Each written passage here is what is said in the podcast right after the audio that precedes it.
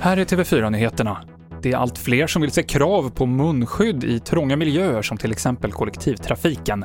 Och frågan är inte död, säger Johan Carlsson, generaldirektör på Folkhälsomyndigheten. Men munskydd kan leda till andra problem. Det är precis där man ser till exempel i Spanien och i Frankrike och andra ställen där man har munskyddstvång ändå har en kraftig ökning. Man förstår inte riktigt vad det är som händer. Är det så att munskyddsfrågan missköts hos folk? Svar sannolikt ja. Därför är det angeläget att man hittar användningsområden för munskydd som inte har negativa effekter på andra områden. Många operationer och annan vård har fått skjutas upp under våren och sommaren på grund av coronautbrottet, vilket lett till en så kallad vårdskuld.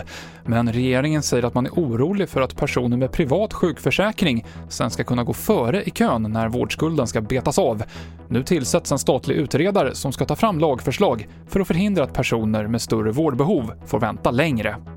Och i Göteborg så är det höga temperaturer idag och eftersom stadens äldre spårvagnsmodeller saknar luftkonditionering blir det så varmt i förarhytterna att facket har lagt ett skyddsstopp.